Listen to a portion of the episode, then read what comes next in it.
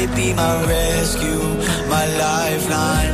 I don't know what I do. Som al suplement, som a Catalunya Ràdio, Modern Family, Years and Years o Sex Education tenen alguna cosa més en comú, a part de ser tres casos d'èxit al món de la ficció televisiva en forma de sèrie.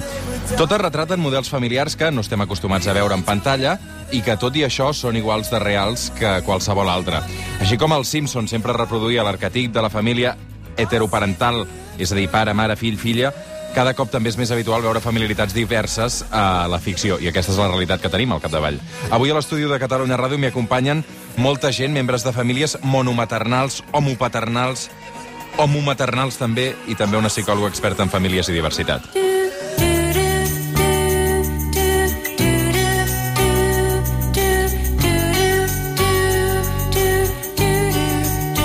La Marta Pedrós és psicòloga, de seguida ens ajudarà a definir alguns perfils. Marta, què tal? Benvinguda. Ah, bon dia. L'Agustí Rodríguez és eh, membre de la família homopaternal. Agustí, benvingut, com anem? Hola, bon dia. Montse Rodríguez, tu ets membre de la família monomaternal, ets mare de dues filles. Què tal? Benvinguda, Montse. Hola, bon dia. I la Laura Simón i la Laura Moreno eh, teniu una família homomaternal. Ho estic dient bé, tot això, eh? Sí, perfecte. Benvingudes. Bon Uh, dia. havíeu estat mai a Catalunya Ràdio? No. Molt bé, doncs a poc a poc, bona lletra, i anem xerrant. Um, noteu que cada cop les famílies que no sou um, heteroparentals uh, esteu més representades? Uh, us costa um, a vegades explicar la realitat que teniu a casa? Eh, bueno, abans ho comentàvem també de camí. Sí que creiem que avui dia estan molt més representades les famílies, sobretot quan nosaltres érem joves, no? No ho estàvem tant, tant a nivell televisiu com les xarxes socials, com a referents públics, no? Famosos. Vull dir, nosaltres no teníem models a seguir, no? Quan vam identificar amb el nostre orientació sexual, no? Ens costava trobar referents. Mm. I ara realment en trobem a tot arreu. I amb això hem millorat molt. És un camí que heu, de fer, heu hagut de fer molt sols, Agustí? Us heu sentit sols durant aquest procés de, de crear una família? A veure, nosaltres en el nostre entorn no. Uh, per sort, mm, eh, som d'una generació, nosaltres som del 80, que hem crescut amb una normalitat uh, que ha arribat un moment, als 30-35 anys, que ja vols formar una família, diguem. Hem sigut, eh, eh, encara que sigui una mica contradictori, hem seguit el, el, el camí tradicional. vale, trobar una parella, estar uns anys vivint, i bueno, ja et planteges doncs, formar una família. Mm. Uh, per nosaltres ha estat un camí realment amb les seves traves, però no ha estat eh, traumàtic, per dir-ho d'alguna manera. Marta, quants tipus de famílies eh, hi pot arribar a haver? És molt difícil enumerar el, el, un número concret de famílies perquè davant d'aquesta gran diversitat ens trobem amb famílies homomarentals, homoparentals, monoparentals, monomaternals, eh, heteroparentals també segueixen existint, eh, estils de cocriança, triparentalitats, en famílies enllaçades, famílies reconstituïdes, famílies d'acollida, famílies que accedeixen a la parentalitat per la donació, per la biologia, per l'adopció, per tant, aquí ens trobem amb molts creuaments i hem de parlar de, de, de tipus d'estructura i de com s'ha accedit a aquesta parentalitat. I a partir d'aquí ens podem, trobar una gran diversitat. No? De fet, tu parles, però, que uh, hi han trets comuns a les famílies. Quins són aquests trets que hi ha d'haver? Bé, totes les famílies, amb- independentment de l'estructura, totes te- compleixen unes determinades funcions parentals i això és el que tenen en comú, que busquen socialitzar educar a les seves criatures per convertir-les en membres de, de la seva família, amb les seves metes, amb les seves expectatives i membres d'aquesta societat. Llavors, això és, és comú en totes les famílies. Independentment de si hi ha un pare i una mare, si hi ha dos pares, si hi ha dues mares, si hi ha un pare solter o una mare soltera, tu expliques sempre que s'ha de definir molt bé eh, i s'ha de treballar el, el rol de, dels diferents membres de cada família, no? Sí, sobretot el que, el que ens trobem és que eh, hi ha unes funcions parentals, que això és més o menys comú en totes les famílies, el que ens trobem és que cada família ha d'organitzar els seus propis rols i la seva pròpia distribució d'aquests rols. Això és diferent en cada família i el que hem de trobar és com ho fem cadascuna de nosaltres. Amb, es, venim totes molt acostumades a la família heteroparental, on els rols, històricament, venien molt definits pels rols de gènere. Això ha anat canviant en les famílies heteroparentals i en les altres. Llavors el repte és Trencar, trobar... trencar aquests estereotips, aquests rols de gènere, és no? trencar aquests rols de gènere i distribuir els rols familiars en funció Posa'm de un les exemple. necessitats. Com es trenquen aquests rols de... Posa'm un exemple de rol de gènere i com el trenquem. Un exemple de, de rol de gènere és entendre que la dona és qui s'encarrega de les tasques de cura i l'home és qui s'encarrega del sostén econòmic i d'encarregar-se les parts més divertides de la criança, com pot ser sortir el dissabte en el parc. Ara et posaré un exemple. Els presos independentistes que han sortit amb permisos de la presó. Les dones anaven a cuidar els familiars, els homes han anat a treballar. Sí, sí, sí. Reproducció de rols de gènere i és el que la societat accepta i entén. Um, parles d'organitzar la criança. Què vol dir això? Organitzar la criança. Quan parlem d'organitzar la criança vol dir pensar en quines són les funcions de les famílies i, a partir d'aquí, quins són eh, les diferents tasques, els diferents rols, les diferents pràctiques que realitzem en el dia a dia i com les organitzem per, eh, per, per poder-les dur a terme. Totes les famílies, independentment de l'estructura, compleixen unes determinades funcions i no es detecta diferències a nivell de desenvolupament infantil en funció de l'estructura familiar i això és perquè justament totes les famílies tendeixen a organitzar aquesta criança per complir les seves funcions i és això del que estem parlant. Montse Rodríguez, com ven? Com anem? Molt bé. Veig molt ben acompanyada. Sí, amb les dues criatures. Tens les dues filles. Sí. Molt bé. Um, Presenta-me-les. A. Doncs pues mira, ella és la Júlia, La i Júlia. ella és la Maria. Quants anys té la Júlia? Uh, la Júlia té 10 anys i la Maria en té 4. Eh, Tu vas decidir uh, tenir criatures tu sola. Mm. Per què? Doncs perquè va arribar un moment a la meva vida que em volia plantejar si volia ser mare i en aquell moment no tenia parella estable. Per tant, em vaig aventurar en tenir-les jo sola. Quines dificultats t'has trobat en aquesta aventura? Les dificultats eh, pròpies de qualsevol família, doncs la presa de decisions que s'han de prendre des d'una sola persona i la logística, cada vegada que van sent més grans, doncs es- extraescolars, eh, si alguna es posa malalta, doncs què fem? Mm. Tu, tu, tu havies eh, imaginat mai um, formar una família d'aquesta manera o t'hi vas trobar? Va ser una cosa que et vas trobar pel camí? No, perquè jo sóc del 70 i quan jo era petita això no existia. Et fan preguntes estranyes a vegades? Mm, no, la veritat és que no. Vivim en un poblet on tothom ens ha acceptat molt bé i On no pregun- tenim cap on- on problema. vius, on vius? A Castellvell del Vilar. Uh, puc parlar amb la Júlia? Júlia, com anem? Mira, t'acostaré aquest micròfon d'aquí, Júlia. Molt bé. Uh, de, qu- 10 anys m'ha dit, dit la teva mare que tens? Sí, Com va la vida, Júlia? molt bé, Uh, com és això de ser tres dones a casa? molt divertit. Ah, sí? Per què? Pues perquè ens entenem molt bé, no sé, és divertit. Um, suposo que tu també et deu, um, um, et deu tocar fer-te càrrec una mica de la teva germana, no? Sí, una mica. Quants anys us porteu? Amb cinc o sis. Um, és estrany o és normal per tu això de tenir una mare? Per mi és normal. Pots normalitzar tota la vida i ja està. Sí. I, I els teus companys de classe? Pues jo els he dit que tinc mare i ja està i ho, ho han entès bastant bé. Mm. Tots tenen pare i mare o hi ha de tot a classe? Per Tots exemple? tenen mare i pare. I um, com ho expliques tu? Pues que jo només tinc mare i ja està. Ho entenen perfectament, Sí. no? Mm. Um, tot això uh, és la Júlia Rodríguez, és la filla, una de les filles de, de la Montse Rodríguez. Um, ho vas haver d'explicar, Montse, d'alguna manera particular? T'ho vas plantejar d'una manera diferent? No. Bueno, la Júlia i la Maria eh, van començar a preguntar, doncs, bueno, com, per què, no? Per què som així? I sí que els hi vaig explicar a les mestres de l'escola on treballo, més treballo a la mateixa escola que, ell, que elles, eh, em van ajudar bastant i, i la veritat és que cap problema. Mm. Creus que a vegades um, està bé també l'ajuda psicològica en segons quins casos o no? Nosaltres no ho hem necessitat, Per de què? moment, Mm. Perquè és una cosa que està normalitzada, interioritzada perquè ho portem força no? bé, exacte. Uh, L'Agustí Rodríguez és el pare de um, la Kira i de la Cane, oi, Agustí? Sí, correcte. Um, en aquest cas, uh, vosaltres, uh, també la Laura Simón, també la Laura Moreno, tots tres teniu uh, famílies homopaternals i homomaternals. I hem de posar també aquestes etiquetes, que les etiquetes a vegades ens sobren, eh? Um, uh, us sentiu també uh, una mica reflexades per tota aquesta situació que explica uh, la Montse? Sí, una miqueta. Bueno, clar, eh, nosaltres, per exemple, en, eh, encara no hem hagut d'explicar als nens eh, quin tipus de família tenim, perquè són molt, molt petits, però, eh, per exemple, el Pau, que és una miqueta més gran, té dos anys i mig, eh, sí que ens ha preguntat alguna vegada eh, si tenim... Que, que perquè ell no té papa, no? Sí que ens ha preguntat, jo tinc papa? I li hem dit, no, no tens papa, tens dues mames. I ho, ho ha acceptat superbé. En el col·le igual. Temies Ah. que et fes aquesta pregunta algun dia? Sí. Bueno, no és que li tingués por aquesta pregunta, eh? però sí que sabia que en algun moment arribaria. i arribaran més preguntes i, i les haurem d'anar, doncs, preparant una miqueta, jo crec que sobre la marxa. Què li vas explicar quan et va fer la pregunta? No, bueno, li vaig dir que no, que no tenia papa, que tenia dues mames. I ja està. I es va quedar tan tranquil i tan conforme i, i cap problema. Suposo, eh, torno al principi, que hi hagi sèries que normalitzin aquestes situacions, que a la ficció veiem casos reals, que tampoc és el protagonista de la trama, sinó que ja es dona per fet, no? Mm. Um, en el cas de Years and Years hi ha casos uh, com aquest, també a Modern Family, Sex Education, no? Um, que tot això no forma part de la trama, sinó que una família es presenta d'aquesta manera. Mm. Això també ajuda a normalitzar moltíssim Sí. la situació, sí, no? ajuda molt i, bueno, més que ara perquè normalitza una situació i la visibilitza, també, no? Eh, I està, està molt bé que cada cop més a les sèries eh, o, bueno, a, a, a la tele, a, als llibres, a, a tot arreu es normalitza aquesta situació. Mm.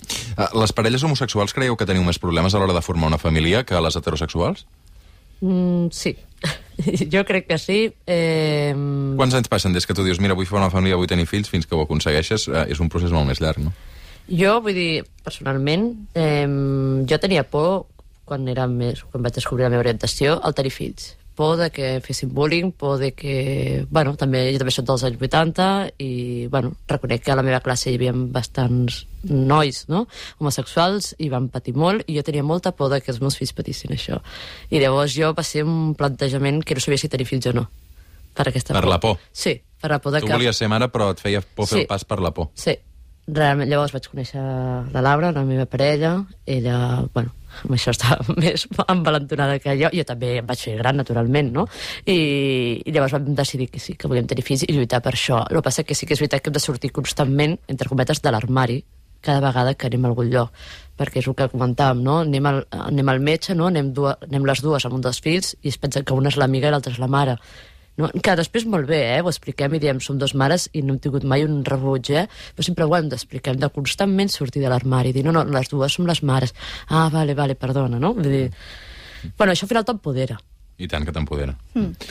Una cosa és decidir ser mare i després l'altra fase és com eh, executem això, no? En el vostre cas, vosaltres eh, heu tingut eh, dues filles, dues filles o dos? dos? Un nen i una nena. Un nen i una nena, per tant, parella. Eh, tot fantàstic. Aleshores, eh, eh, les dues us heu quedat embarassades, no? Un de cada. Un de cada. Com va ser aquest procés? Qui va dir jo primera, tu primera? Jo eh, Va ser vaig... motiu de discussió, això? a totes no, dues us gens. feia il·lusió quedar-vos embarassades? Em feia més il·lusió a mi d'entrada, mm, perquè jo sempre havia volgut ser mare bo, i passar, vi- viure l'experiència d'un embaràs, i també per edat, perquè jo sóc més gran que la, que la Simon, i llavors, doncs, bueno, en, ho vaig fer jo primera. Llavors, eh, el meu embaràs va anar molt bé, jo crec que ella després va dir, bueno, doncs, com que ha anat tan bé, jo també vull passar per aquesta experiència. És veritat que per ella no era, no era important eh, passar un embaràs per ser mare, no? que això també és un punt important que volíem que volíem transmetre, no? que ens sentim igual de mares de l'un com de l'altre, tant si l'hem ja estat com si no. I, i, bueno, i llavors eh, ella des, doncs, va decidir també quedar-se embarassada i passar per aquest procés. Quants anys eh, tenen els fills? Té dos anys i mig el gran i un any la nena. Home, doncs, eh, per tant, eh, la, la primera pregunta del pare eh, l'ha fet molt aviat, no? Sí, Sí. bueno, és que pot xerrar molt.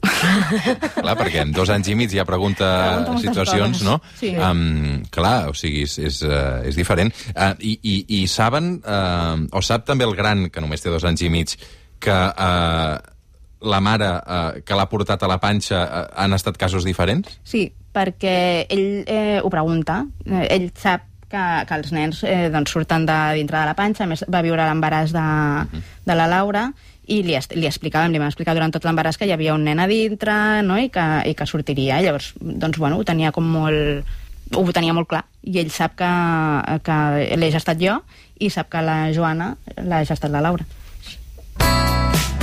Especialista en aumentar la tensión. L'Agustí, en el, seu cas, eh, tens dos fills gràcies a la gestació subrogada, no, uh, Agustí? Sí. Um, com vau decidir recórrer aquest punt? A veure, nosaltres ja portàvem anys de relació, anys casats, i, bueno, arriba un punt que volíem formar una família, vale? Eh, vam mirar el tema de l'adopció, vale? És un, un camí realment difícil. Per què? Ah, difícil per...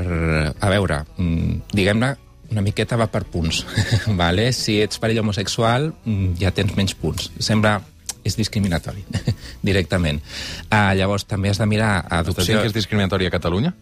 A Catalunya és molt difícil adoptar tant per parelles heterosexuals com per parelles homosexuals. Però tens menys punts si, si ets parella uh, homosexual? Sí. És, és Com pot ser això? Bueno, això ja... S'hauria de preguntar a les persones... societat. Però en quin moment uh, et penalitza això? Ah, ho, ho, a veure, pregunto ens- des del desconeixement, eh? Sí, no, no. Eh, nosaltres vam, vam informar-nos a la fase inicial, ja no vam passar a la segona fase, que ja de fer tot el tipus d'entrevistes, eh, o sigui, vam arribar a un punt que, que ens ho pintava molt difícil. Mm. O sigui, per resumir, per ser concís, eh, t'havies d'esperar uns mínim 6-7 anys 6-7 anys per ser pare. Sí, eh, les adopcions a Catalunya van així, vale?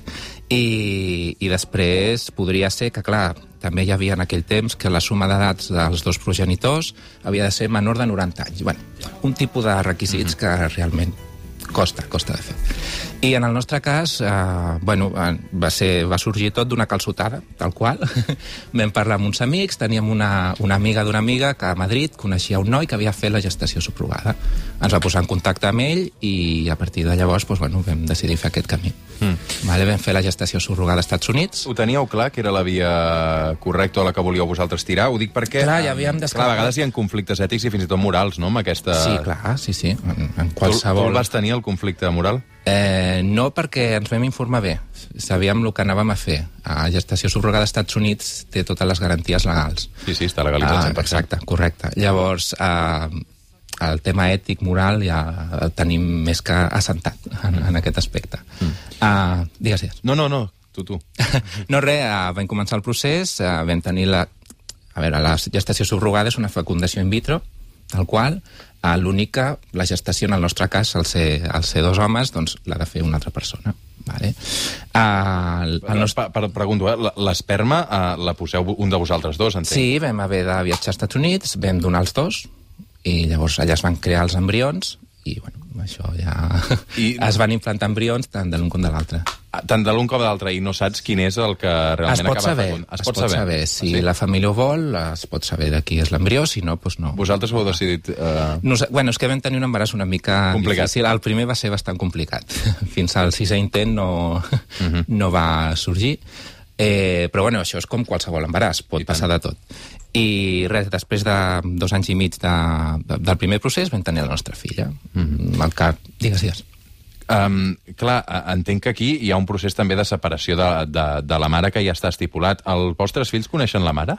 A veure, les nostres fills no tenen mare. La mare, Comencem exacte, per aquí. correcte. Sí, perdó, error meu, error meu. Exacte. Sí, una mica també és això. La, els nostres fills tenen dos pares i tenen una gestant. Ell, la, la nostra filla gran ja té 4 anys i des de sempre els hem explicat, bueno, el petit encara no, eh, però que bueno, ja veuen que tenen els dos pares, lògicament, però que han estat a la panxa de una gestant o l'altra. Llavors, és, és totalment normal. Els heu explicat i cap problema. No, sí, sí, cap problema. O sigui, de fet, eh, ells van néixer a Chicago i hem viatjat pel, pel segon procés, hem, hem estat amb, amb la gestant tant de l'un com de l'altre i superbé.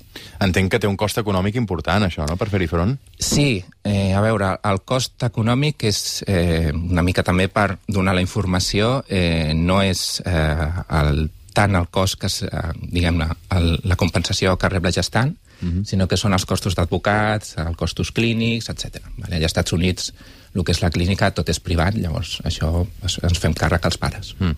Uh, estem parlant tota l'estona de vosaltres, uh, de la vostra generació. Uh, la, la generació dels vostres pares, o dels avis en aquest cas, com ho ha viscut també tot aquest procés, o tot aquest model familiar que segurament és diferent al que ells havien creat a casa? Home, suposo que cada família és un món. En el nostre cas, la nostra família, pues, superbé. O sigui, cap tipus de problema des de sempre. Uh, de fet, uh, els meus pares ja, ja eren avis, però encantats de tornar a ser avis. Els pares del, del meu marit no eren avis, o sigui, imagineu, amb els primers nets, o sigui, superbé. Sí, sí, cap problema. Bueno, nosaltres, eh, entre cometes, el, els meus sogres, diguéssim, els pares de la Laura, superbé. A més, es morien de ganes de ser avis. En el cas meu personal no va ser tan idíl·lic, com diguéssim. O sigui, a l'embaràs de la Laura sí, el vam viure amb il·lusió, però no era net biològicament parlant seu. I llavors va ser complicat. Llavors, al jo quedar-me embarassada, eh, bueno, era com si que era net biològic, no? I jo, clar, li vaig dir a la meva mare, no? Dic, bueno, és que és el meu fill. t'agradi o no és el meu fill, no? I aquí, bueno, va haver-hi una problemàtica, no? I, Ho ha acceptat? bueno, sí, no, sí, sí, ara sí, perquè, bueno, no hi ha més i sí, ho ha hagut d'acceptar perquè nosaltres vam ser molt clares i, i no hi ha més. Vull dir, vaig dir a les bones o a les males, no? Ja, aquest procés a vegades és, és, és, és, és complicat, no, Marta? Sí, clar, cada família té les seves pròpies expectatives de com construiran la seva pròpia família i també sobre com les seves filles i fills construiran la seva família. I això a vegades com caçar les expectatives d'uns i la realitat i sobretot en una societat que encara no que, que s'està començant a normalitzar costa bastant, però aquí tenim moltes experiències, famílies que ho viuen tot superbé i famílies que necessiten més acompanyament. Mira, com que eh, havíem anunciat que avui parlaríem d'aquesta qüestió de diferents models familiars al suplement, aquesta setmana a través de Facebook ens ha escrit la GES80, que diu Bona tarda, he vist que dissabte parleu de diferents models de família. Us volia explicar el meu cas eh, com a un model diferent que no sé si tractareu. Soc una noia de 35 anys que em vaig separar fa 4 anys de la meva parella de tota la vida. Segueixo sense parella, sempre havia tingut clar que volia ser mare i per això em vaig inscriure a la llista d'espera d'inseminacions de la Seguretat Social. Durant l'espera, parlant amb el meu ex, amb qui sempre he mantingut una relació d'amistat excel·lent, ell em va confessar que també tenia ganes de ser pare i que si no ho era amb mi, no ho seria amb ningú més. Doncs bé, estic embarassada de 22 setmanes, el pare de la meva nena és el meu ex i tots dos exercirem com a pares, malgrat que, entenc, eh, no estarem junts o no farem una vida de parella enamorada. Sí, Al final és un acord, no? Sí, sí, sí. Aquí, si ho haguéssim de posar-li un nom, parlaríem de família enllaçada, no? De tu arribes a un acord i decideixes tenir una criatura i criar-la conjuntament. Històricament han existit famílies que s'han separat i han pogut criar perfectament les seves criatures. Per tant, un cas on tu decideixis prèviament amb qui tindràs la criatura i que les dues persones sereu pares d'aquesta criatura, sempre que tot estigui clar i que ens posem d'acord amb qui farà què i com ens organitzarem, és perfectament factible i inclús molt, molt, molt més maco haver-ho parlat prèviament i arribar a un acord. Mm. I se li pot explicar perfectament a aquesta criatura, això. Jo us agraeixo molt que avui hagueu vingut a compartir la vostra història personal també i que us hagueu despullat el suplement. Són la Marta Pedrós, la Montse Rodríguez, l'Agustí Rodríguez, eh, la Laura Simón i la Laura Moreno. Gràcies a tots per haver-nos acompanyat avui al, al suplement i que tingueu molta sort. Moltes gràcies. Fem una pausa i de seguida tornem al suplement. Fins ara.